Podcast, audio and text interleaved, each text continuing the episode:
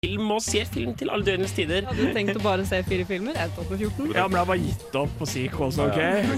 Ikke det Ringenes herre, som ser deg. det. Jeg har stor respekt for Nicolas Cage. Men filmen, den var dårlig. Det er bare å gjøre det. Herregud, jeg er veldig klar over at det showet er skitt. Det er nå TV-ofil. Ha-ha. Du hører på Filmofil på Radio Revolt. Hasta la vista, Ja. baby. Ja, her i studio så er det nok en gang torsdag, og vi er nok en gang klare for å gi deg en ny, solid runde filmprat. Rett og slett. Rett Og slett. hvis du hører på så det ikke er torsdag, så er du fortsatt klar for filmprat. Vi får, vi får nå inderlig håpe det, da, i det minste. Ja. Eh, I dag så er eh, den, på en måte, den ak mest aktuelle nyheten der ute er, eh, er koronaviruset som herjer i Kina. Så vi tenkte vi skulle snakke om sykdomsfilm, bare for å være teite. Altså, gøy å prate om noe som kommer fra Kina, noe vi ikke eksporterer til Kina. Så i hvert fall, det er, det, det er planen for dagen. Sander har vært og anmeldt sin første film. Ja, det var gøy. Eller ikke. Vi får vente og se. Vi får vente og se. Vi, eh, vi har med andre ord en ganske solid sending på lager. Vi skal begynne med å snakke litt om hva vi har sett i det siste. Men uh, før det så skal vi høre Secretarian Love med Sustainable Darkness. Med meg i studio i dag så har jeg, Jaran på teknikk. Mina!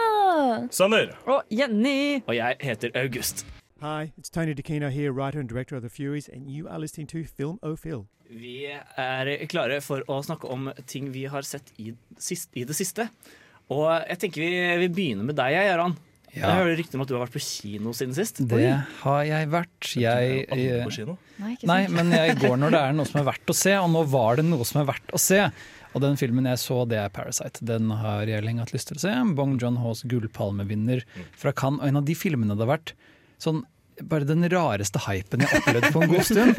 Det er så gøy å like film akkurat nå, for vi er i en tid hvor litt sånn filmer som vanligvis ikke får så mye hype og så mange sånn sterke fans eh, begynner å få det. Bong John Ho med 'Parasite' har bare fått en sånn massiv film-Twitter-følging som er helt nesten litt sånn uventet. uventet. Så det er ordentlig, ordentlig gøy. Og så gikk jeg da selvfølgelig endelig og fikk sett 'Parasite', som også er nominert for beste Oscar. Den er Eh, nominert til Oscar for beste film, beste regi. Den vant Screen Actors Guild for beste ensemble-cast, som er sånn helt absurd. For masse greier. For dette er jo en sørkoreansk film. Eh, altså det er litt sånn Der òg, det er ikke så mye presedens for alt dette. Kjempesterkt. Og for å si fort hva filmen handler om, så er det en familie som er sånn fattig underklasse, arbeidsløs familie. Sliter med å få liksom- wifi. Ja, Ja. Det er første scene, og det er sånn, den scenen er så godt laget, og den sier så mye om hvem karakterene våre er, på bare sånn kjempekort tid. Vi får ikke wifi. Uh, å, prøv å putte telefonen høyt opp, så ser du om du får wifi. Ok, og så En fyr finner wifi liksom oppå toalettet deres, som er sånn skikkelig skittig bygd toalett. Sånn, du må liksom klatre opp en trapp for å gå. Ja, kjempebra. Fantastisk scene. De, uh, den eldste sønnen i familien uh, skammer seg litt sånn delvis inn i en jobb som privatlærer i engelsk for sønnen til en rik familie.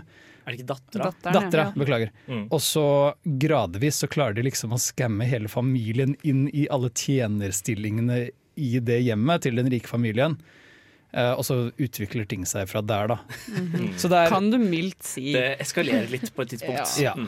det var kanskje det jeg syns var når filmen begynner å eskalere derfra. Det var på en måte gøy hele veien, bare å se hvordan de høstlet seg inn i Ja, familien. den, den er så sjangerløs. Den Mm. begynner på en måte som en slags sånn heistfilm, hvor det er om å gjøre liksom erobre hele dette huset. Det er en slags, sånn, det en slags sånn heist, og det er på en måte det som er spenningsdriveren.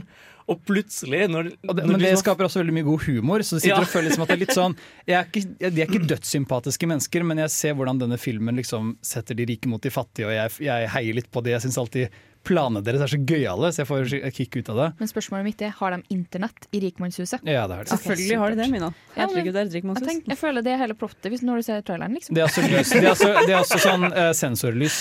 Mm. Men uh, jo, uh, da jeg så den, så var det Da liksom de hadde begynt å få inn hele familien i denne i stillinger da, i dette huset, så ble jeg litt sånn på slutt, mot slutten så var jeg sånn Ja, kom igjen, jeg gleder meg. Nå, nå vil jeg se hvordan de skal klare det videre. Det var skikkelig gøy. Mm. Det, var, det var rart. Det var liksom, Jeg heier på dem til å skamme en familie. Ja, for det viktigste først er Kjempegod film, gå og se den, få deg med på kino, støtt denne filmen og bli med i diskusjonen, for det er en ordentlig kul film å prate om.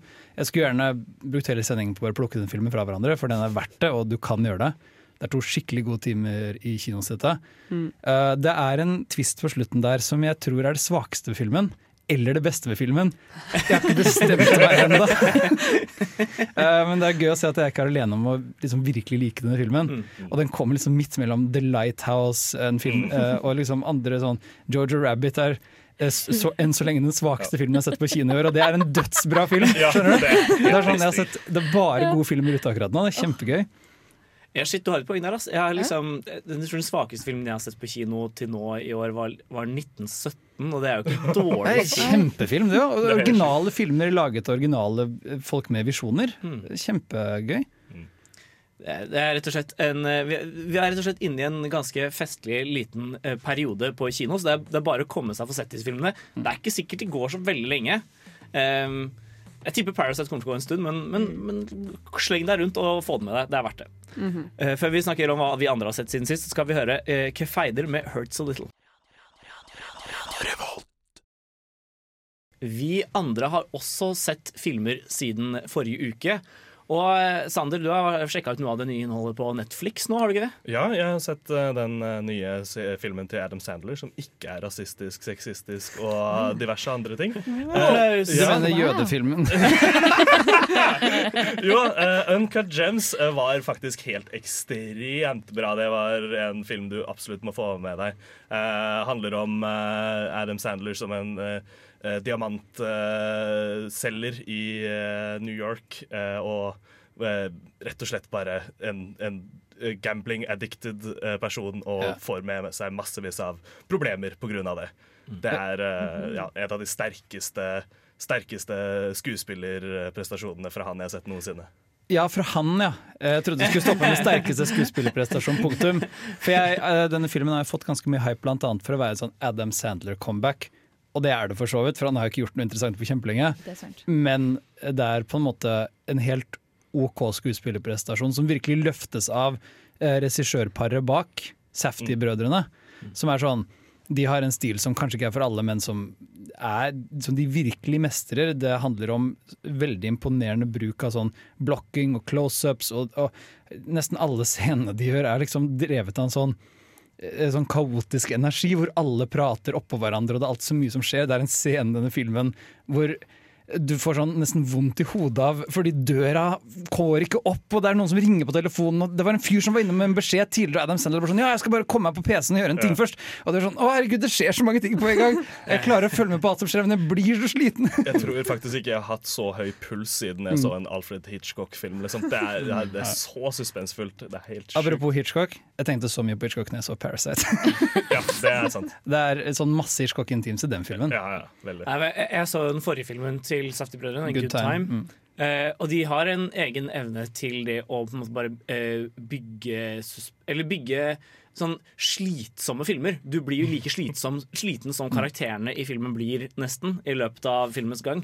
De klarer virkelig å skildre hvor utrolig heavy byrde karakterene deres går gjennom. Og alle er sånn mørke krimdramaer. I, I denne som Sander påpeker, så er det sånn du tror det skal være en litt sånn høstlete film, men så er det egentlig bare et skikkelig tragisk portrett av en gamblingavhengig idiot.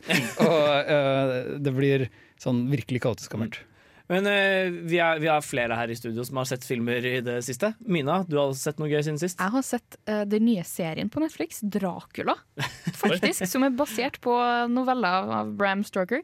Uh, bare at den har tatt en mer moderne vri på den. er Veldig relevant til Trumps Amerika? Ja. Nei, den er I just grabbed them by the neck.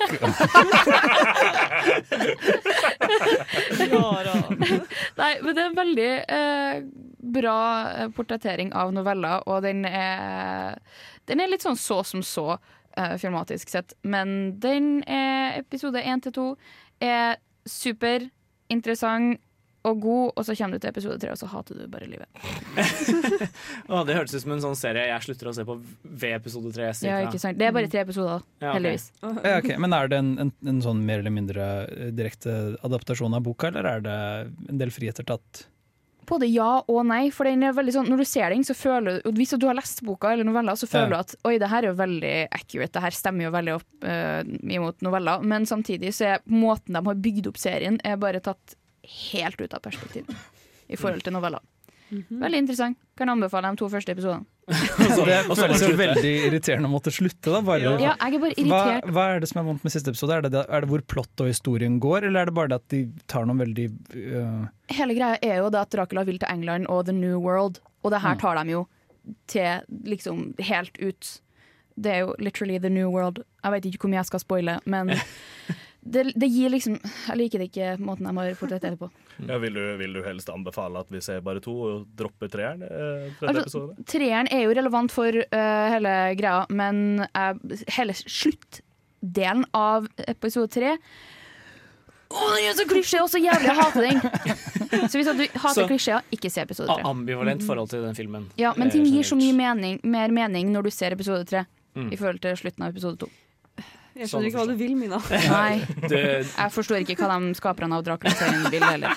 Dette er vel Steven Moffat og, og ja, han andre fra som la å skrive Doctor Who. Eh, men eh, jeg har også sett eh, film siden sist. Vi hadde en liten filmkveld på søndag, Jaran, hvor vi så vi. en veldig fascinerende liten film. Vi så Exi Existence uh, med stor Z og stor X. Ja, Eh, ikke den rekkefølgen.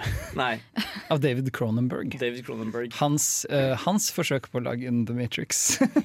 Det var en rar film, ass. Ah, det var en flott film. Men du kan ikke nekte for at den var rar også. Uh, den var jo i, i så stor grad bisarr at jeg til tider trodde det var et uhell at filmen måte ble godkjent. At den ble litt, på en måte. Den, det virker som man bevisst har bedt skuespillerne gi ganske dårlige presentasjoner og filmet en del ting på en litt sånn uinspirerte måter, men så viser seg at det seg etter hvert av plottet at det er bevisste valg. For filmen handler jo om øh, øh, to eller det handler om en film en, Nei, en, en spillskaper Mm. som skal teste det nye spillet sitt i en fremtid hvor virtuell spill har liksom tatt litt mer av. da Ja, og, og disse spillkonsollene de, er- de er veldig fancy.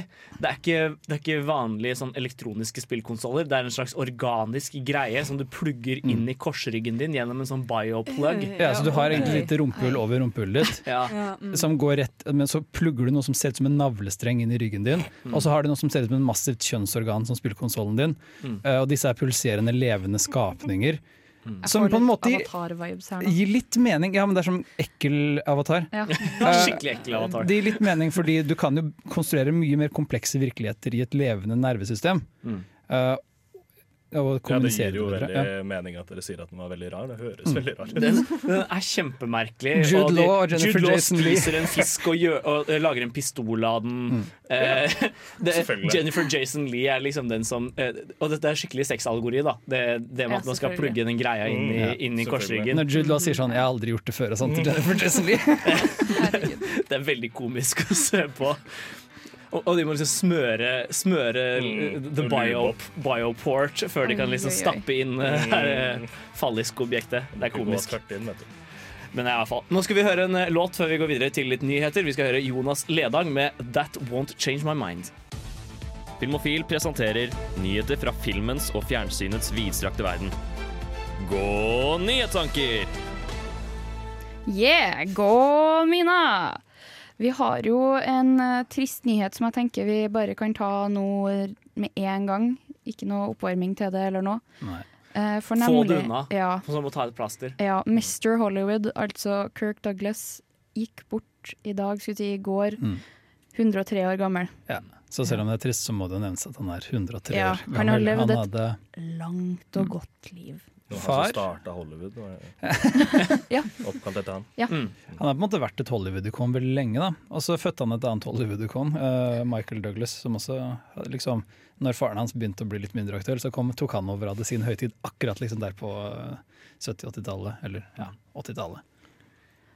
Det er jo en veldig eh, det, er en film, det er en skuespiller som har vært aktiv i veldig mange år. Mm. Vi telte vel over i stad og konkluderte med at han hadde- hadde sin Hans første rolle var i 46. 46. Ja. Mm. Og sin siste rolle i 2008. Mm, det, Det er en eh, lang skuespillerkarriere. 62 år som skuespiller. Det er ganske godt og 103 år på den jorda. Og jeg, jeg har på en måte tenkt på det veldig ofte, han er så gammel. Jeg har alltid vitset om hvor gammel han er. Eh, Men og når jeg leste i dag at, tidligere at han hadde dødd, så ble jeg litt sånn litt trist. Fordi det føles som en sånn eh, han, han har vært så i så mange filmer Jeg har likt det alltid. Liksom, han, har, han har hatt så mye karisma som en skuespiller. Og det å vite at sånn, han og sønnen hans sønnen hans er snart liksom 70 år gammel, og han har hatt faren sin hele veien gjennom livet. Det har vært en sånn en skikkelig koselig tanke. Det har, det har vært en eh, kjendis-oldefaren du aldri fikk, Ja. på en måte. på en måte. Men eh, for all del, herregud, vi kan jo nevne i fleng Spartacus og Paths of Glory, de to Stanley Kubrick-filmene han gjorde.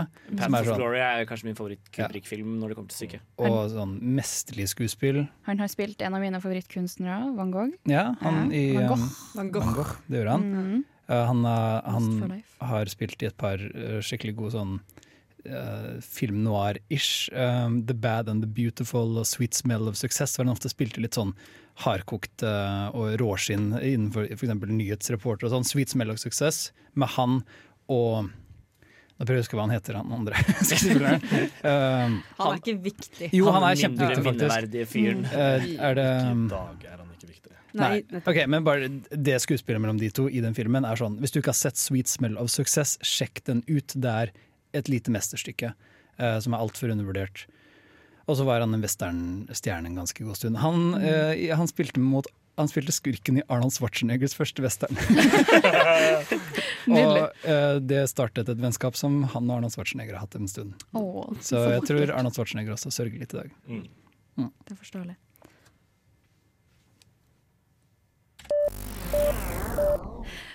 Vi kan bevege oss fra en tragedie til en annen. For vi har jo, hele grunnen til at vi har sendinga i dag, er jo av koronaviruset. I Det, bunn og det er eneste grunn til at vi Ja, er her. dag. definitivt. Eneste grunn. Eh, og Eller da, egentlig eneste grunn til at vi er her i dag, er at vi ikke har koronaviruset. ja, Faktisk. riktig. Folk Er du sikker på det, Jørgen? Det er ganske Oi. lufttett her, så det er ganske trygt Mm. i studio. Ja. Anywho, det er jo i Kina det herjer, eh, og det som er, det er kanskje ikke så gøy, men jeg syns det er litt morsomt, eh, at filmindustrien i Kina, den eh, sliter for øyeblikket fordi at uh, koronaviruset kom ut uh, Eller kom ut? Ble lansert. Ja, det ble lansert eh, midt under ja, under- det kinesiske nyttår, skal vi si, Year of the Rat. Mm. Og det er da de, bruker, de store filmselskapene i Kina kommer ut med sine premierer og osv., osv., som er en stor del av på en måte, deres popularitet. da. Rotten er jo kjent som smittebærer, Ja, det er jo ekstra gøy. og så er det koronaviruset utenfor ferde. Jo, men Tilfeldig neppe! Filmofil avslører. Men i hvert fall så sliter eh, filmselskaper i Kina eh, for øyeblikket fordi at eh, filmene deres har ikke fått den pangstarten som man skulle ønske de kunne ha fått, hvis Mm. at folk faktisk kunne ha dratt i kinoen. Og Ja, det er kanskje ikke så kult å sitte i, liksom, et sånn, et, i kinosalen nå, et sånn tett innesperret rom med masse random mennesker en periode. Nei. Mm. Så er det sånn en som hoster, og så løper alle ut. Det hadde vært eh, det, ja, Nei. Uh, unngå, unngå kinoer i uh, Kina akkurat nå. Ja. Oh, det var nesten som bokstaver i Kino-Kina. ja, Mm. kinoer i Kina. Det, er Meget poetisk. På en kino i Kina sitter Mina. Nå skal vi i hvert fall uh, høre en låt. Vi skal høre uh, noe ny, ny musikk fra Jon Olav uh, Nilsen. Vi skal nemlig høre Den smale sti. Så kommer vi tilbake igjen med mer nyheter. Hi, this is Brian Usen. I'm the producer of Reanimator and the director of Society, and I'm with the Filmophile people, and uh, we're all having a great time. Vi har, har det veldig bra. Uh, og Mina, du har fortsatt flere nyheter til oss. Ja, Til, til, til rock. Da har jeg. Det er jo ikke en nyhet det at eh, kvinner og folk eh, av forskjellige hudfarger er underrepresentert i Hollywood. Hæ?! Det visste jeg Ja. om. Jeg trodde, det, jeg trodde hele greia var en slags sånn konspirasjon. Ja. Ja. Nei, men nå har UCLA kommet med en forskningsrapport, men det er ikke um, foran kamera, det er bak kamera. Fordi vi har jo blitt flinke på å få uh, flere kvinner, flere folk av diverse hudfarger og religioner ut, i, ut up front. Eh, Det er helt riktig. Men det er bare en fasade, er ja, det du prøver å det er akkurat det jeg og studentene på UCLA prøver å si. Eh, så det er liksom Det er snakk om uh, regissører. Wow, det er lite kvinnelige og eh, jeg Det snakket vi om i hele forrige uke. Ja. Vi kan jo sjekke ut vår kvinnelige regissørsending, hvor vi drøftet nettopp dette. Ikke sant? Eh, og med tanke på denne nyhetsartikkelen, så har jeg et par andre småting. For jeg følte det var en så fantastisk god Segway. um, blant annet at uh, Sandra Bullocks og Viola Davis uh, skal være Yeah. med i en ny Netflix-film som ikke har fått navn ennå, men de holder på å filme i uh, Vermont. Hva slags film skal det være? Det skal være en thriller hvor Sandra Bullocks har sittet i fengsel, og så skal hun ut i livet, og så er det noe greier som skjer. Men greia her er at det er kvinnelig regissør. Det er, Ah, ikke bare, det er ikke bare skuespillerne det er fokus på. Hvis det var det nei, nei, jeg skulle til å spørre bare sånn For den forrige Netflix-lagde thrilleren Sandra Bullock spilte i, eh, Bird Box, jeg vet ikke om dere husker den? Filmen alle pratet om, og så alle glemte med en gang. Var jo en Alle prata hit. om den. Ja, men det var fordi Netflix Dette er min konspirasjonsteori, men de, de, de faket den uh, praten. De lagde bare på falske Twitter-akkanter, for det var en av de få filmene de slapp. Bare sånn, bare sånn Hei, så mange folk har sett denne filmen i jula! Og jeg var litt sånn Takk for info, men Hvem er folkene som har ja, hvem, Det var jo et meme òg, da. Ja, det var jo Ja. Det var der faktisk sant. challengen. Jeg gjorde jo ja. den samtidig som jeg så filmen. Ja. Det var ikke Oi. noe jeg kan anbefale. Nei, fikk du noe med den filmen? da? Nei, jeg hørte noe skrik og noe vann og noe greier. Ja, det, det var det som var i filmen. Ja. egentlig. Det var ikke en spesielt god film. Men filmen her skal da bli eh, regissert av den tyske Nora Fingscheid. Det klarte du å si bra. Tusen takk. Mm. Det, Jeg jeg, øvde meg lenge på det. Ja. sånn snakker. Eh, og så har vi òg det faktum at det tyske eh, TV-studio, eller eh, ja UFA eh, Fiction skal samarbeide med eh, Panther Entertainment, som er da et eh, filmproduksjonsselskap. eh, Drevet som, av pantere. Rett og slett. Det er det de der som går rundt og henter flasker og sånn gjør. Eller andre pantere. Jeg skulle ut og si Det er helt Forever. men riktig. ja. Nei, det her er da et selskap som fokuserer veldig på eh, People of Color sin historie, da. Og at eh, for å få dem ut i spotlightet, og for å få liksom Ja. Mm. Vent, hva, hva var greia deres? Hva, hva, Det- det er hva skal de å, gjøre? Ja, unnskyld, jeg glemte å nevne at eh, både eh, dem som har fått samarbeide med UFA og, ble, og jeg tenkte Black Panther Oi, der var litt rasistisk. Eh, og Panther eh, Tainment er begge people of color. Så det er liksom De skal lage film sammen. Nei, de skal, eller jo, de skal samarbeide om å lage mer film Ja. i Tyskland og De skal Europa. samarbeide om å lage mer film i Tyskland? Ja, om, Som et sånn mission statement? om mørk, mørkhuda folk av Mørkhuda folk har Det blir spennende å se hva som kommer Ja. ut av dette samarbeidet, kjenner jeg. Ja. Tysk film. Og så går vi over til et helt annet samarbeid. God Segway der òg. Du er så flink, Mina. Tusen hjertelig. Er så flink. Warner Bros og HBO Max har slått seg sammen, og så skal de lage um, Til Warner HBO. Max, tror jeg de kalte det. HBO. HBO. Jeg tror ikke de kalte det De kalte det Warner Max. Uh, og de Ja, skal, det var lame. Ja, Ja, jeg vet det det. er veldig lame. Og det skal være, da være sånn uh, De burde gått for Max. Bros i stedet for. Ja! Eller Homebox Bros. Oi. Ring Wow. oss, eh, HBO eller Warner Bros, for det- dere trenger hjelp med Ja. sånn alt av PR. Det er helt sant. Riktig. Men de skal da produsere sånn midbudsjettsfilmer osv. osv. Det er litt sånn Ja, Jeg skjønner er ikke hvorfor vi trenger flere strømmingstjenester, og det er jo hele det som er, hele det som er poenget, for at HBO Max kommer ut. ut. Ja. Man trenger evige strømtjenester, tydeligvis. Det er det, er, det, er, det er det folket vil ha. Gotta catch them all. Gotta catch them all. og, eh, og med det så skal vi høre en låt. Vi skal høre Wingdings med Sønn, og etter det skal vi få høre Sander sin første anmeldelse, så bli her på Radio Revolt. Da er vi tilbake, og uh, vi skal nå få høre den første anmeldelsen du har laget noen gang, Sander. Mm. Er, du, er, du, er, du, er du stolt? Nei. Eh, jo, eh, altså, jeg, jeg vil si til å være første, så vil jeg si den er eh, OK greit nok. Eh, det eneste er kommer til å bli bedre. Eh, det er det eneste jeg vet. Øvelse gjør mester. Eh, skal vi bare fyre av din anmeldelse av Birds of Prey, eller? Ja, jeg gjør det. Birds of Prey handler om hva Harley Quinn skal gjøre nå som hun har slått opp med The Joker. For DC-entusiaster høres dette ganske spennende ut, da Harley Quinn er sjelden uten Mr. J. Og om hun er, så handler det om hvordan hun skal få han tilbake. Klarer de å gi denne endimensjonelle karakteren litt dybde? Omtrent like dypt som barnebassenget. The Joker and I broke up. I wanted a fresh start.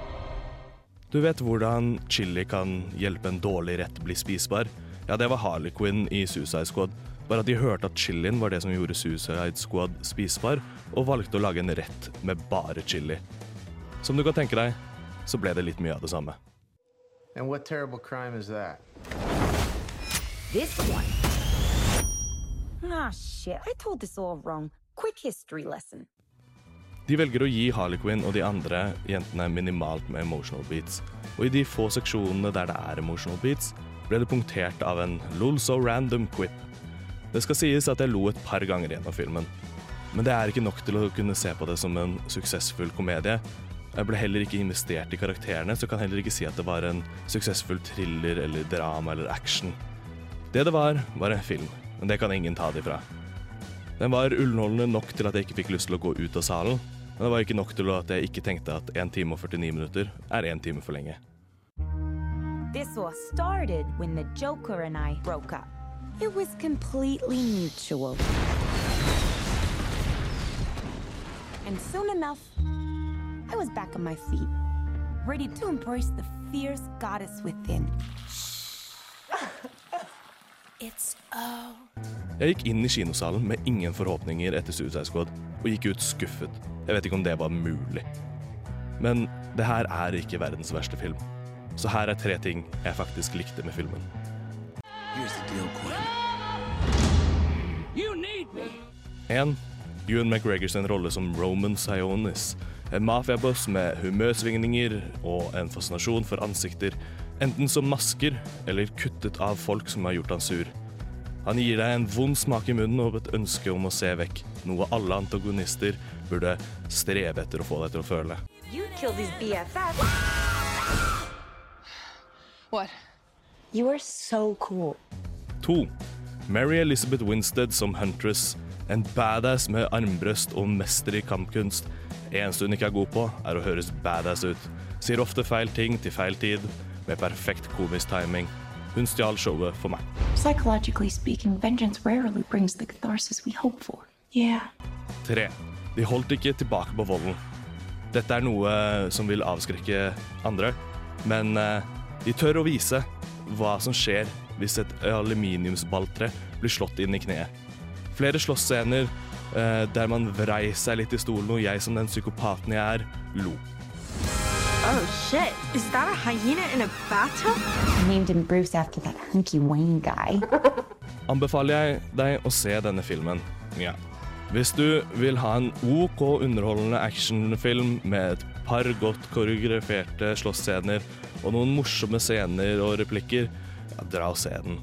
Om du merker at du begynner å bli litt lei av superheltfilmene som kommer ut hvert år, så vil jeg si vent til den her ender opp på streamingtjeneste du eier fra før. Min anmeldelse av Birds of Prey and The Fabulous Emancipation of One Harley Quinn er tre av ti.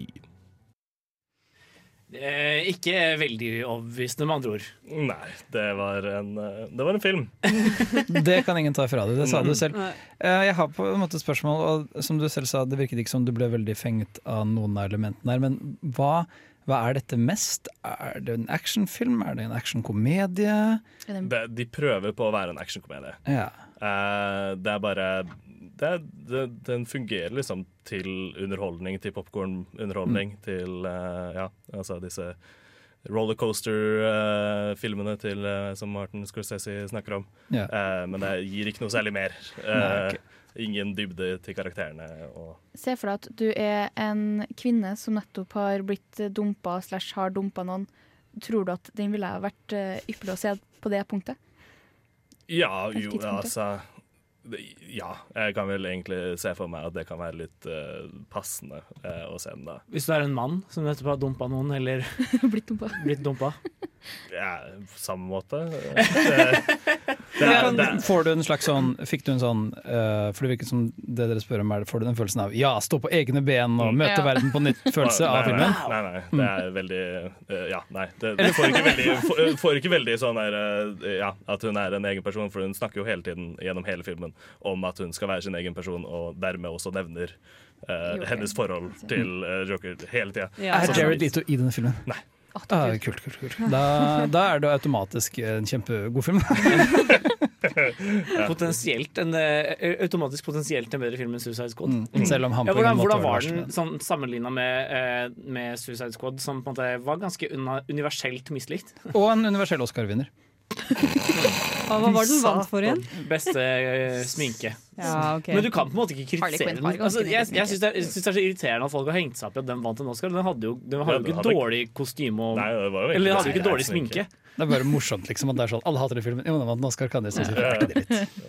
Ja, nei, eh, så det, det, altså, det, var, det var en veldig sånn tom film. Hadde, det var liksom Det hadde en start og en eh, midt og en slutt, og det var liksom det. Den, det var, var veldig sånn der, eh, minstekravet. Eh, som en litt sånn Jeg leste mye Batman da jeg vokste opp og så animerte TV-serier. Wow. Ja, sånn, jeg har alltid syntes at Harley Quinn er en av de som er sånn de verste karakterene i DC-universet.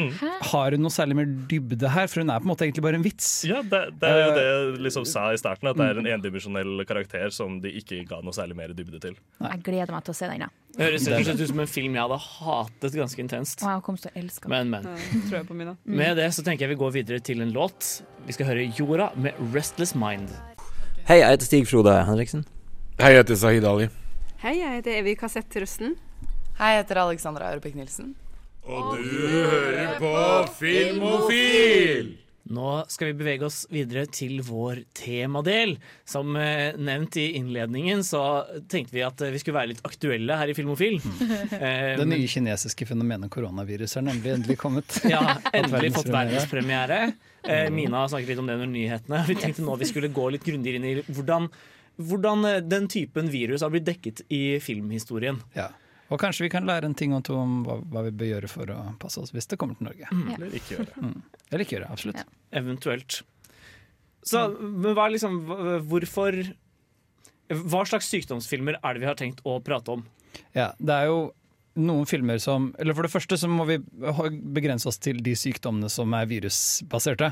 Vi må, vi, det blir ikke så mye kreftprat og, og den typen Ja, eh, dette sykdom. blir, dette blir uh, smittsomme sykdommer, i det Ja. minste. Ja. Ikke nødvendigvis virusbaserte. Noen av de er litt vagere enn det. Nei, så skal det også nevnes at ingen av oss her er nødvendigvis leger eller medisinstudenter. Så det er ikke sånn Og altså, en- Fiksjonelle sykdommer er liksom Hva, Mm. hva er det egentlig? Det er- kan vi vite? Det er veldig sant. Mm. Og så er det noe med at de som nødvendigvis skriver disse fiksjonelle sykdommene, ikke alltid vet hva de skriver heller. Ja. Det blir veldig sånn Ja, den har noen reseptorer som kobler seg til DNA-et ditt, og så er det sånn Ja, det, det funker vel sikkert, det, det kan jeg tro på. Jeg har noen, eller, det det er noen Når man kan litt fysikk og matte, så er det en del filmquotes som blir ganske festlige.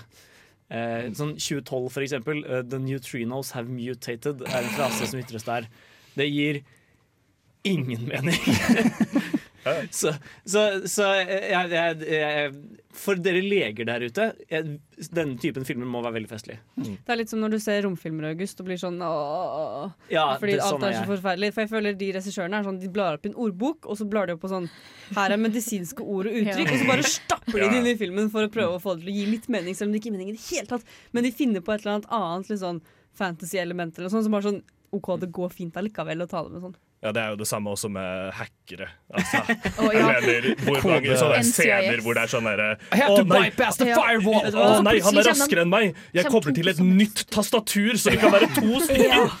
Vet du hva, Da jeg starta på datastudiet, så ble jeg skikkelig skuffa. Ja, Rett og slett. det var hadde bare sett det i film. ikke sant? Ja. Så Mm. spennende. Ja. Ah. Du sånn. tenkte dere skulle sitte to stykker på samme PC og hacke? Ja, det trodde jeg august. Det hadde vært, det hadde vært poetisk. Jeg merker at eh, hacking burde antagelig bli en egen sånn sending, det òg. Og ja, vi har jo til og med en ekspert i studio. Mm, veldig sant. Ekspert, ekspert. Men selv om vi ikke har uh, noen medisinekspert, så blir det jo måte, smittebaserte sykdommer da, vi skal hvert prate om. Vi, Vi har jo alle vært syke i det siste. Det er ikke sant. Det er jo. Aldri vært syk. Jeg er jo syk i studio i dag. Jeg, jeg, for å på en måte teste litt, så pådro jo jeg meg Wuhan eller koronaviruset. Ja, det gjorde jeg òg, egentlig. Ja, Ja. Så jeg har drakk tatt korona Mm. liksom i helgen. Da. Ja, Jeg det teller. Humor har på en måte blitt toppet nå. Sander er da vår eh, hippie anti-vaxxer her i studio, Mm. som ikke blir syk. Ja, Da ja. har vi- Jeg, jeg har massevis av essential oil som jeg driver og puster ja, inn. ja, ja. Lavendel. Ja, ja. Altså, jeg har hørt at eh, korona er det beste kur, beste kur mot korona. Ja. Det er i hvert fall sånn det funker når man er bakfull. Eh, så altså, Ja. I don't know. Ikke sant? Ehm, Når du har blitt bitt av koronaen eh, vanligvis i helgen, så er det korona på morgenen som hjelper. Ja, det er eneste måten å komme seg videre på. Mm. Så du må bare få dobbelt koronavirus, er egentlig det du sier nå. Eh, og drikke masse korona. Det er jo sånn, det er jo sånn det har jo- vaksine funker, da. Ja, ja, det er du må introdusere eller blant annet. Men det har jo faktisk blitt eh, bevist, skulle ikke bevist, men forskere har kommet fram og sagt at liksom, å ja, alkohol dreper koronaviruset. Det er litt Men du må morsomt. øh, Men jeg regner med at det ikke Det høres litt spekulativt ut. Men, eh, Det er jo ikke sånn at du skal drikke det drita, da blir du bra. Da hadde, du, da hadde jo ikke dette vært noe problem. Det er jo det er litt mer sofistikert enn det. Ja, men eh, Det kom jo til Finland, jeg har ikke hørt noe mer. Kanskje det er fordi de bare rett og slett har Den drukket bort. ene edru finnen fikk koronavirus. Alle andre har fått det, men det har dødd da i løpet av eh, et par timer. Nå snakker vi! Ja, ja. Yes. Rett og slett. Men det, det er smittsomme sykdommer er i hvert fall planen for sendingen. Eh, både, både de realistiske smittsomme sykdommene på film, men også ganske mange temmelig spekulative. Ja. Det, Funnet vil- på regissør Bladet ordbok. det ville bare liksom blitt sånn to filmer å prate om hvis du skulle prate om det realistiske. Det, det er noe med det. paranoid du er, da. Men det er det noe de realistiske filmene vi skal starte med. Etter at vi har hørt High As A Kite med Under The Sun, skal vi ta en litt, et lite dypdykk inn i Steven Soderbergs The Contagion. Contagion. Men eh, før den tid altså Under The Sun. Hei, jeg heter Roar Uthaug, og du hører på Filmofil på Radio Revolt. Ja, her på Filmofil så snakker vi i dag om eh, pandemier på film, eller smittsomme sykdommer på film, i anledning koronavirus. og den mest realistiske skildringen av en betydelig pandemi som har blitt festet til eh, celluloid, er nok eh, er nok David eh, Nei, det er Soderberg. Ja. Steven Steven Soderberg heter han. Sin film 'Contagion'. Yes, Rett og slett. Den er eh, Det er jo egentlig derfor vi begynte å snakke om sykdomsvi sykdomsvideoer, faktisk. Syk sykdomsfilmer i dag. Hva er greia med at vi ikke kan snakke i dag, Jenny? Det er et som går, altså. Vi må er- skjerpe oss. Men greia er fordi at eh, Contagion i anledning koronaviruset har kommet nå på topp ti på iTunes over de Eh. mest, eh, sette, fil eller mest sette filmene eller et eller annet sånt. Leide og kjøpte filmene. Og det synes jeg er, bare jeg vil starte med det synes jeg er skikkelig teit, fordi det er den verste filmen du kan se når et virus er liksom Nei, det er ikke det er den beste filmen, Fordi den Nei, minner deg på at hygiene og sånn er viktig. Ja, det er for så vidt sant. Men også det at den viser hvilke mekanismer vi har på plass for å bekjempe et virus. Mhm. hvis det skulle komme. Ja, men for meg, da. Meg personlig, Som så vil jeg liksom si sånn at som er, Jeg er sånn. veldig hypokondria. Så det er helt forferdelig høres ut som. Det, Ja, men for du badet jo i antibac før du kom hit i dag, husker du? Ja. Husker du?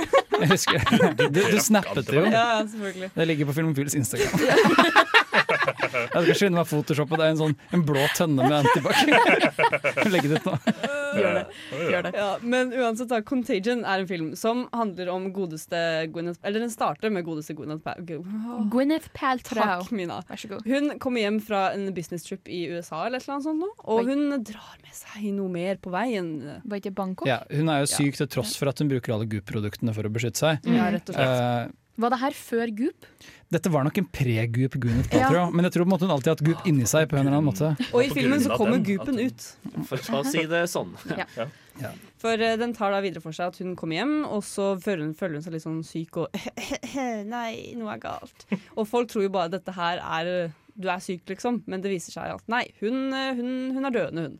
Kan jeg spoile såpass? At, uh, Ja, ja, det er de første fem minuttene av filmen. Hun dør så Yes. av dette viruset, da. Og så er mannen hennes, uh, Matt Damon, han begynner da å bli litt sånn Hm, hva er dette her for noe? Og et av barna deres blir også smittet, og han blir helt sånn Hva er det som skjer? Vi må gjøre noe med dette her! Og alle sammen går helt i panikkmodus, og hele verden bare Egentlig Ja. fordi dette viruset har såpass eh, kjapp innvirkning på menneskene.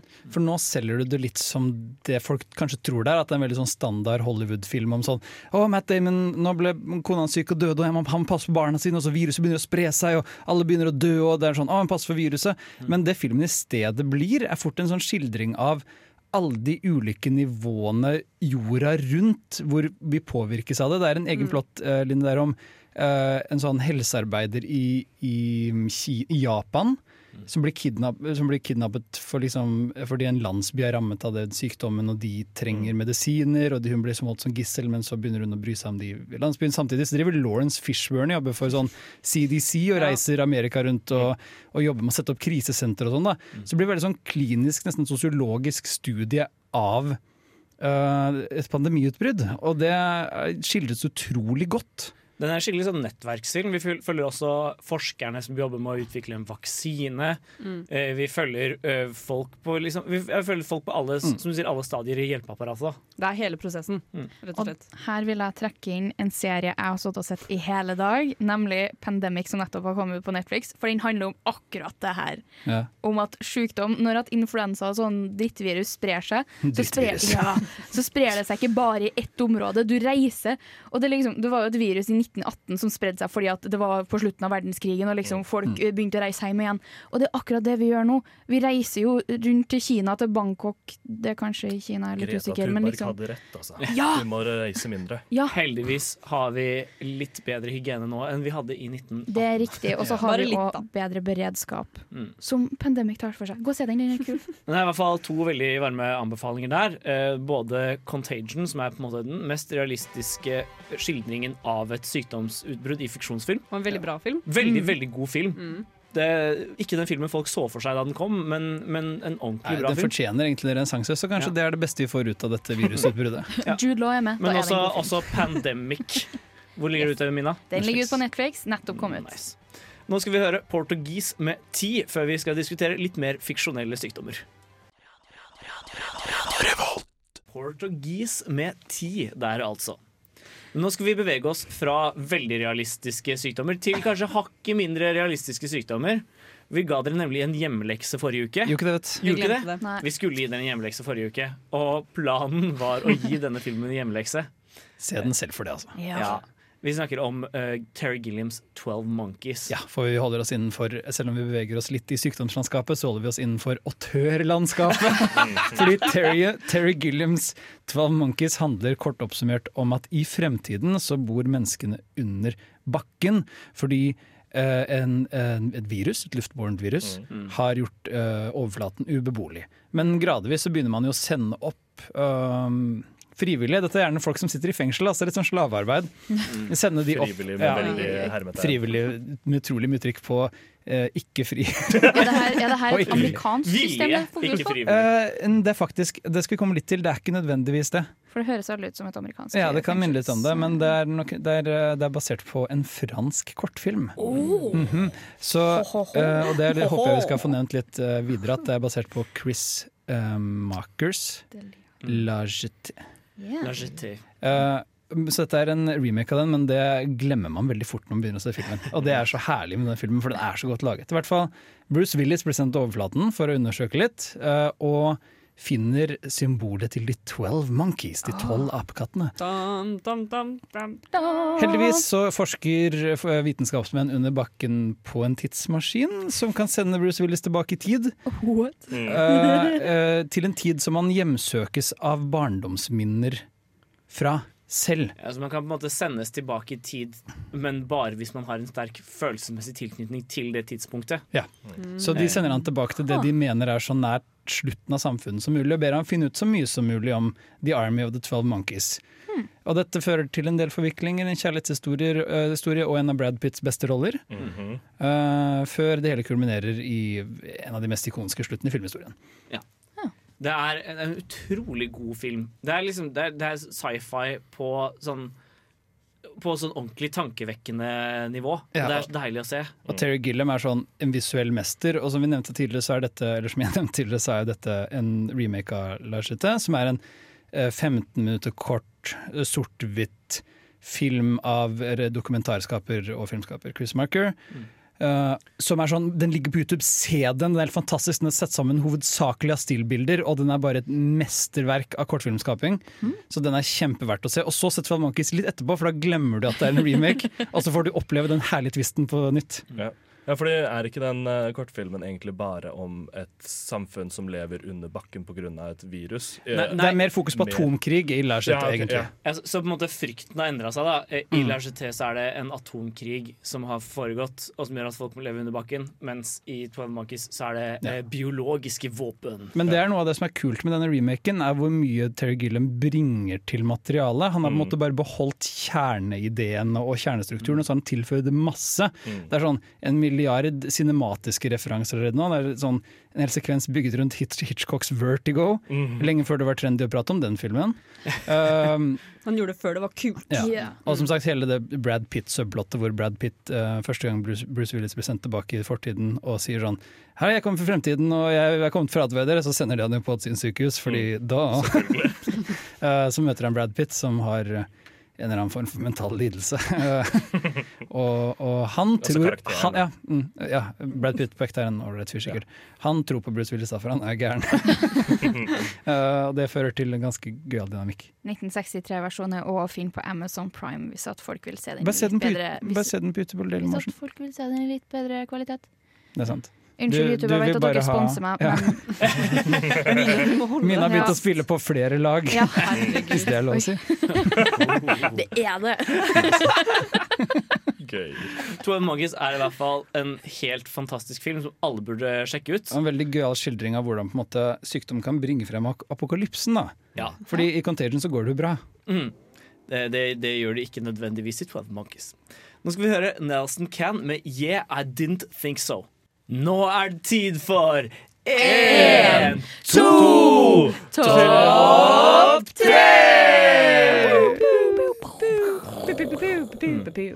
Og I dag er det jeg som har laget en topp tre-liste. Er det det, August? Oi, ja. oi, oi. Du kan telle Eh, og jeg også. ha, valgte da å lage en eh, litt mer sånn generell kåring av eh, syke karakterer på film. Så er det de sykeste karakterene! Wow! Nei, dette er, det er er topp tre karakterer som har en eller annen sykdom. er syke, okay. Ja. Wow. Men er de best fordi de er syke, eller er de best uavhengig av sykdom? Er det best sykdom, eller er det best karakter med Det er best, Er det best det er best karakter, men sykdom er ganske definerende for alle karakterene okay. på lista. Okay. Vi får bare vente og se, da. Ja. Og eh, på tredjeplass så har vi en eh, Så har vi en slags spoiler. Oi. Herregud. Så Eh, vi, vi snakker om eh, Ja. Dette er, dette er en film fra t- år 2000 eller noe sånt, så det er liksom ikke så skummelt. Eh, vi snakker om den kvinnelige hovedrollen i uh, Y mama tambien. Eh, en av Alfonso Cuarons tidligere filmer. Mm. Eh, road trip, eller road movie. Eh, om et par unge gutter som prøver å finne seg selv, og en kvinne. Og det er rett og slett en utrolig, utrolig god film. Eh, Alf, eh, topp, eh, det er kanskje min favoritt-QAron-film, når det kommer til stykket. Det er modig etter både Roma og, og um, andre Koran-filmer. Children of Men, Ja, Harry Potter 3. um, Den beste Harry Potter-filmen, for så vidt. Men, eh, men ja, 'Utsumam av Zambien' utrolig sterk film, og mye på grunn av den rollen. På, tredje, nei, på andreplass så uh, valgte jeg å plassere uh, Mickey Rorks karakter i The Wrestler. Ja. For han har jo hjerteproblemer, men nekter å ta det inn over seg og fortsetter å wrestle. Sånne personer, ass. Det, det. Gå til legen, sa jeg! Slutt å være en mann! Ja! Nei, poenget hans er vel at han ikke har noe annet å leve for enn wrestling. Han er jo helt uh, tapt i livet uten det. Mm. Det er den siste, uh, med unntak av Iron Man 2, så klart, gode rollen til Mickey Rourke, eh, som jeg har sett i hvert fall. Ja, Iron Man 2-rollen hans er jo hmm, Det er det et mesterverk. Der er han syk òg. Sykt lei av livet. Ha, ha, ha. Det kalles deprimert. ja. På førsteplass valgte jeg i hvert fall å sette uh, hovedrolle i, hovedrollen i The Diving Bell and The Butterfly. Ja. Uh, dette er en veldig veldig fascinerende fransk film uh, om en fyr som eh, får, får slag og ender opp med å bli lam i alt bortsett fra eh, høyre øye. Oi. Så okay. han, eh, han må lære seg å kommunisere ved hjelp av blunking. Oi. Og eh, det er, hele de første 20 minuttene av filmen er, bare- er filma fra hans ståsted, da, Mm. med bare indre monolog. Og det er, så, det er ordentlig ordentlig fascinerende. Mm. Det, det er en utrolig rørende film. Eh, Høres basert fransk ut. på den, si den er basert på en eh, ekte bok Eller basert på en, eh, en bok skrevet av en mann i, med samme skjebne. Det Han har skrevet faktisk- en bok med høyreøyet sitt? Ja. Jean-Dominique Ah, Han skrev en, blunk, han skrev en blunk, bok med blinker. Ja. Punktum, blunk, blunk, blunk, Og det er så mye skriving, det. Nei, han hadde jo personlig assistent som sitter her og leser opp sånn A, E, I, og så blunker han på rett bokstav. Det er, det, det er bare en kjempelang prosess for å skrive Ja, den og så gjetter de ord, og så går de videre. han som skrev boka, faktisk en fransk journalist og uh, editor for L Magazine. Just Ja. saying. Og, og boka den er basert på heter også 'Dykkerklokken og sommerfuglen'. Mm. eh, Mm. Som handler om hvordan det å sitte der er som å være inni en dykkerklokke under vann. Da. Du er på en måte helt alene. Ja. Eh, og det er utrolig, utrolig eh, skjønn film. Utrolig vakkert portrett av en fyr som har det Som på en måte har sånn voldsomt fall from grace. da Mm. Han går fra å være skikkelig eh, hot og kul eh, editor og ender opp med å være på en måte ja, en mann som er helt avhengig av andre til alt han skal gjøre. Mm. Alltid. Kan jeg komme med en sad fact, ikke Mm. en fun fact? Han døde uh, bare dager etter boka ble gitt ut. Spoiler! eller? Nei, han, var, han, han døde dager etter at boka ble gitt ut. Ja. Ja. Så det er, det er ikke en veldig oppløftende film, men en veldig veldig vakker film. Det er i hvert fall min kåring av de eh, tre beste karakterer, syke karakterer på film. Veldig god topp tre. Jeg, Det var helt eh, sjukt bra, August. Har- Savner dere noen?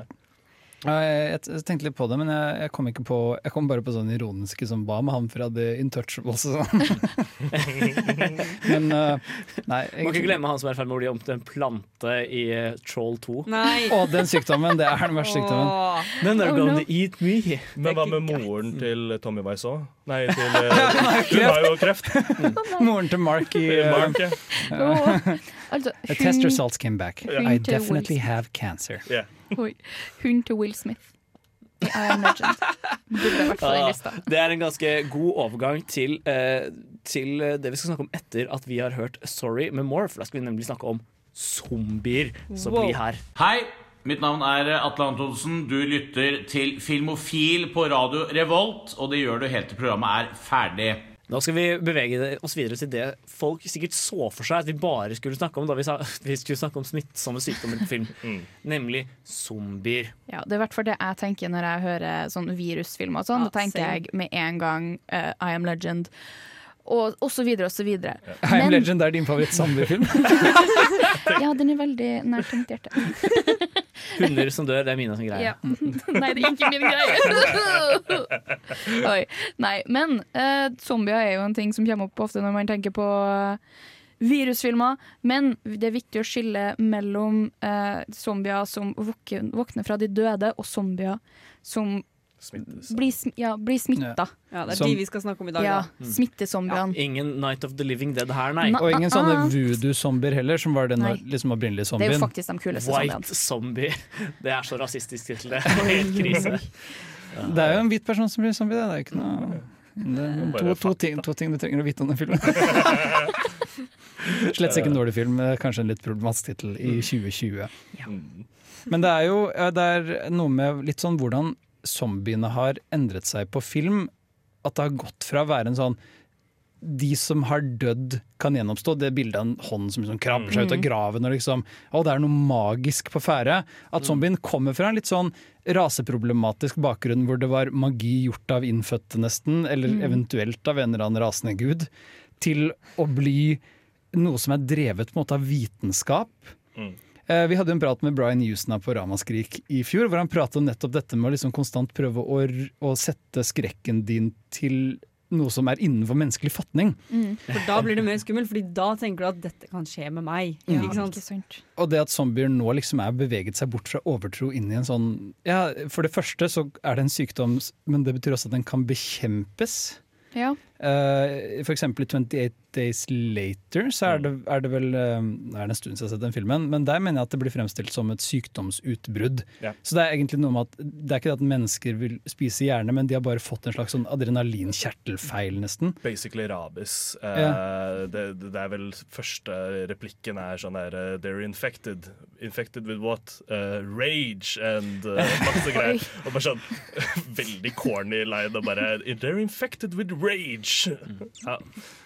Ja, og det er jo Det har jo på en måte blitt en ganske sånn standard måte å portrettere zombier på. Mm. Vi, da vi diskuterte i stad, så innså vi at det er ganske Altså, de, de fleste moderne zombieportretter er på en måte i hvert fall sånn nesten i den gata. Mm. Det, er noen, det er noen serier hvor det på en måte virker som de dør først, og så våkner til live igjen som en zombie, men frem til da har det på en måte forspilt seg som en sykdomsforløp. Ja.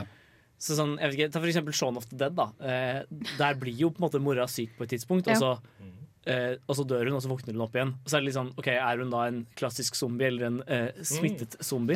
Dør du fordi du har en infeksjon i et sår, og så etter at du er død, så blir kroppen din zombifisert?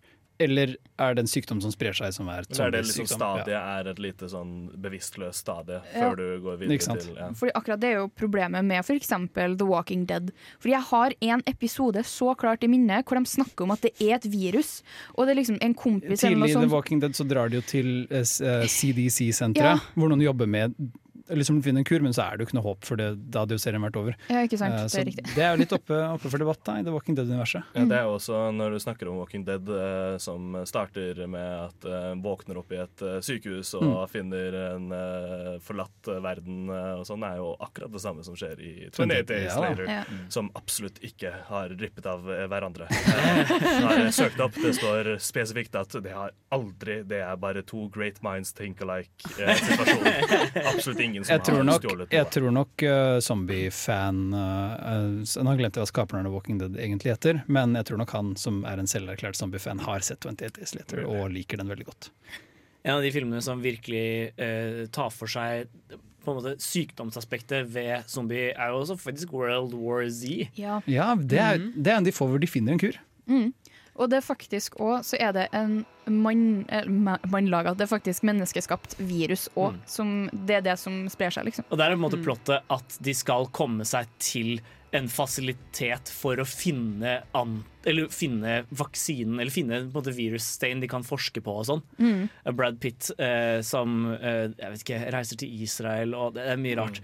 Eh, men det, det, det, på den, er, den er god på akkurat det aspektet, selv om veldig mye annet er rart.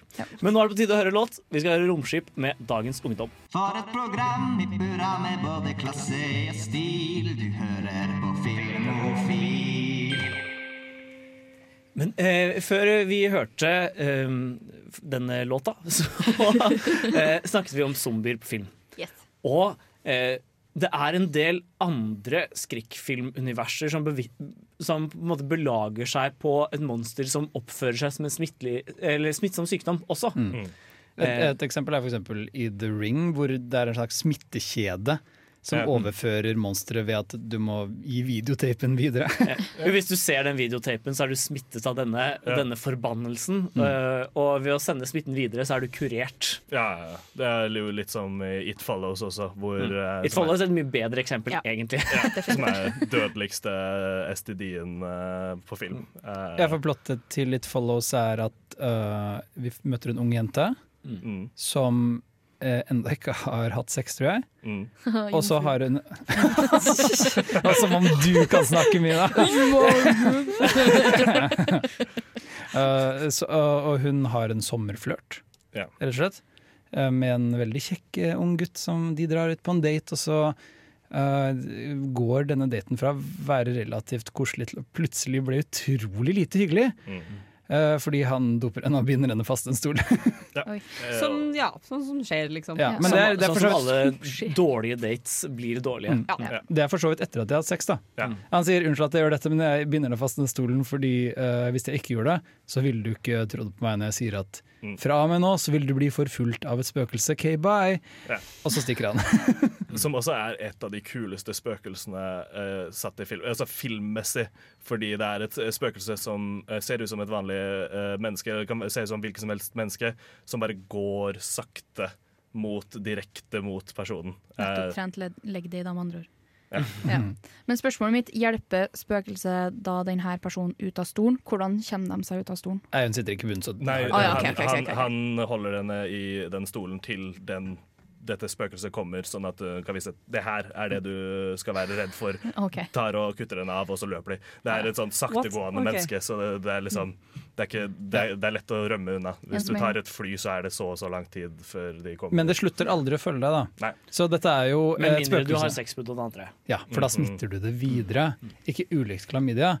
Eh, Så det må jo nevnes at Ja, det er akkurat sånn klamydia funker. Det er sånn jeg ble kurert klam- videre. du ga det videre? Mm. En Pay it forward, Kevin Spacey-filmen hadde vel akkurat det samme.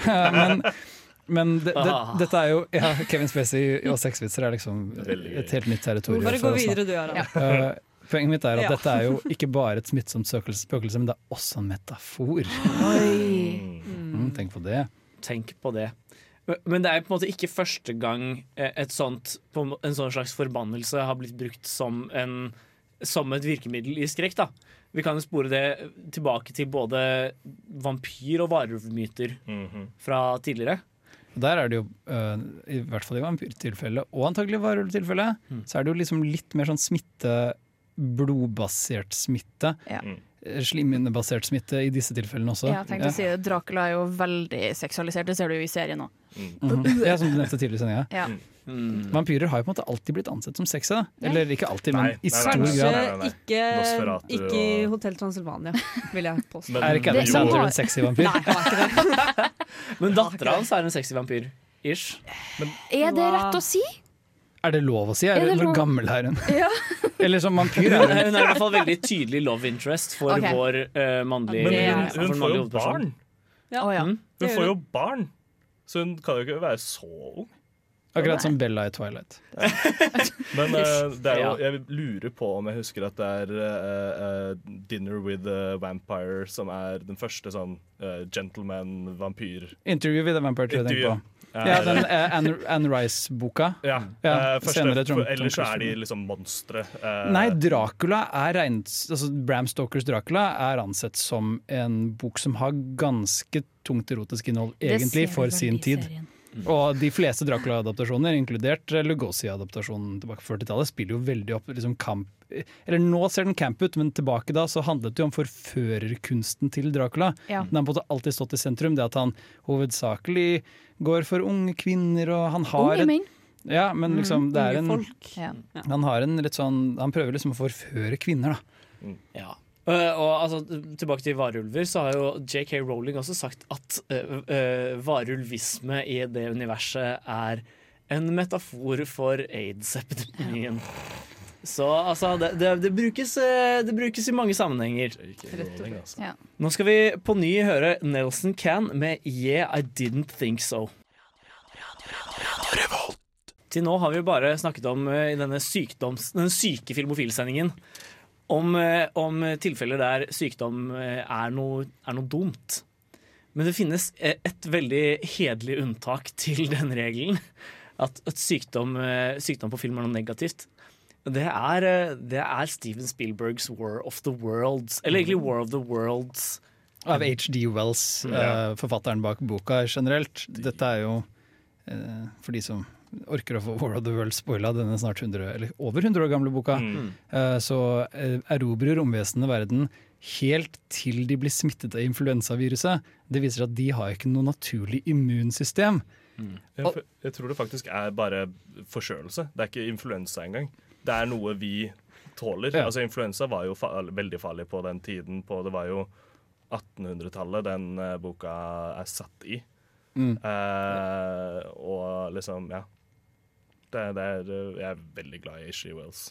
Det er en utrolig snedig twist, for det, det, det setter liksom lys på en sånn en sci-fi-ting som man fortsatt ikke tenker så mye på. Og det er litt sånn Romvesener kan ikke Vi kan ikke bare lande på hvilken som helst planet og gå løs på den, og det er helt naturlig at andre arter ikke kan det på vår heller. Vi kan jo ikke bare gå på månen uten beskyttelsesdrakt, og bare fordi en annen planet har noenlunde lik atmosfære, så vet vi jo ikke hva som er i lufta.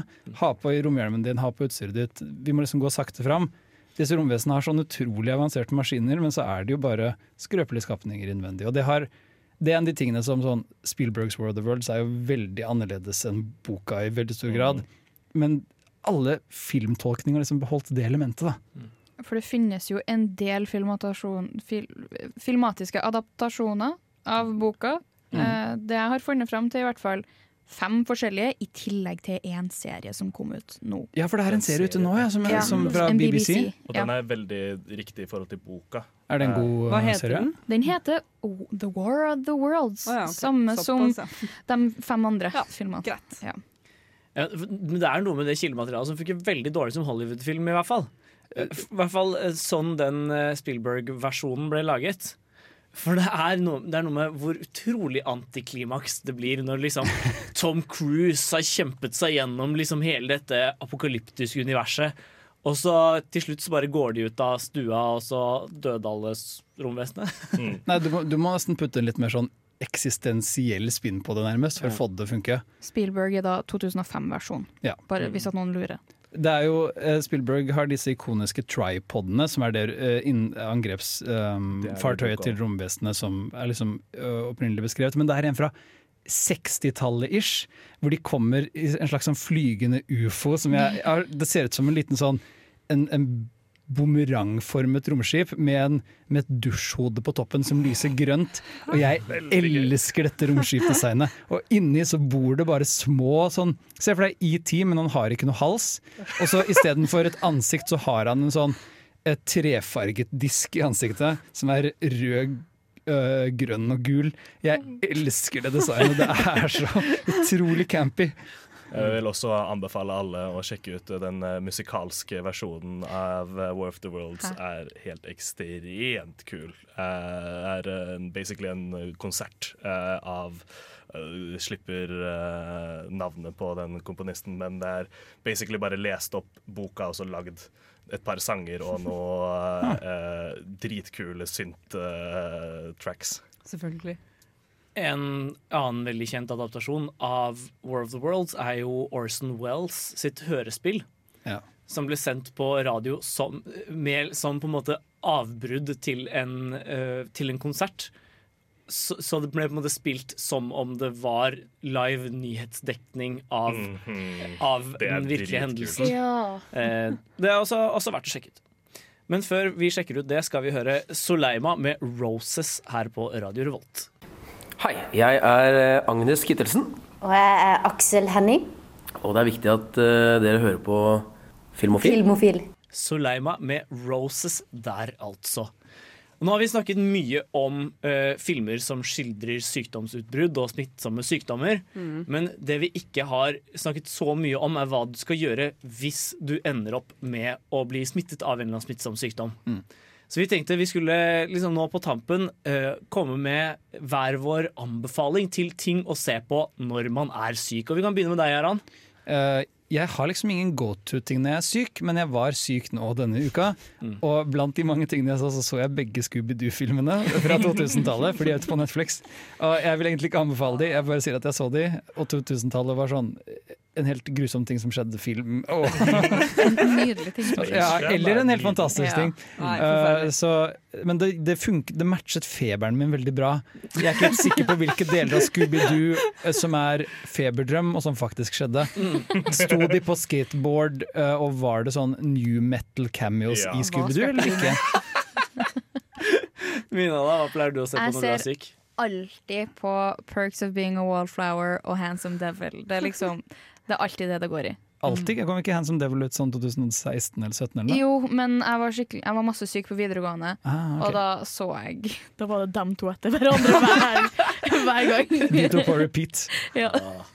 Ja, nei, eh, når jeg var eh, syk, så pleide jeg å se på bare TV. eh, Sånn TV-serier, så jeg vil anbefale å bare se en serie, for du er som regel syk i mer enn en time eller to. Men ikke, sånn, ikke, ikke se liksom en veldig krevende serie, kanskje. Nei. Ikke gå for sånn Men noen ganger så kan man det også. Altså, jeg så gjennom hele OJ Made in America mens jeg lå med Mens jeg lå med streptokokkinfeksjon, liksom. Jeg tror er en god Gossip Girl. Altså. Gossip Girl, nei, Gossip Girl er gøy. Er faktisk gøy. Mm. Min eh, go-to er som Jeg går gjerne til animasjon når jeg er syk. Har jeg, tror jeg funnet ut Hver gang jeg er syk, så er det sånn jeg må se animasjon. Men jeg har en veldig ikke ikke se denne filmen, Fordi en gang da jeg var syk, så gjorde jeg den uhellen over å se tabben av å se um, eh, Fault in Our Stars da jeg var syk. Nei! Det var helt, helt forferdelig. Begynte du å gråte igjen? Jeg gråt og skulle dø? Du tenkte at det her kommer til å være meg.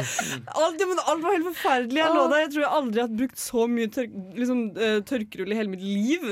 På å være syk. Det var helt grusomt. Ikke se den filmen. Men det er jo så godt, for du får klarert Nei, det var- alt. Det er litt Mina- derfor jeg ser øynene mine, jeg klarte ikke å se med øynene mine etterpå, fordi det var så sant? Det spørs hvilken syk du er. Har du sånn øyeinfeksjon, da ser du kanskje ikke på film heller. Eh, Jeg hadde bare Hvis du har blitt blind. liksom, Ja, ja. Hvilken film ser du da?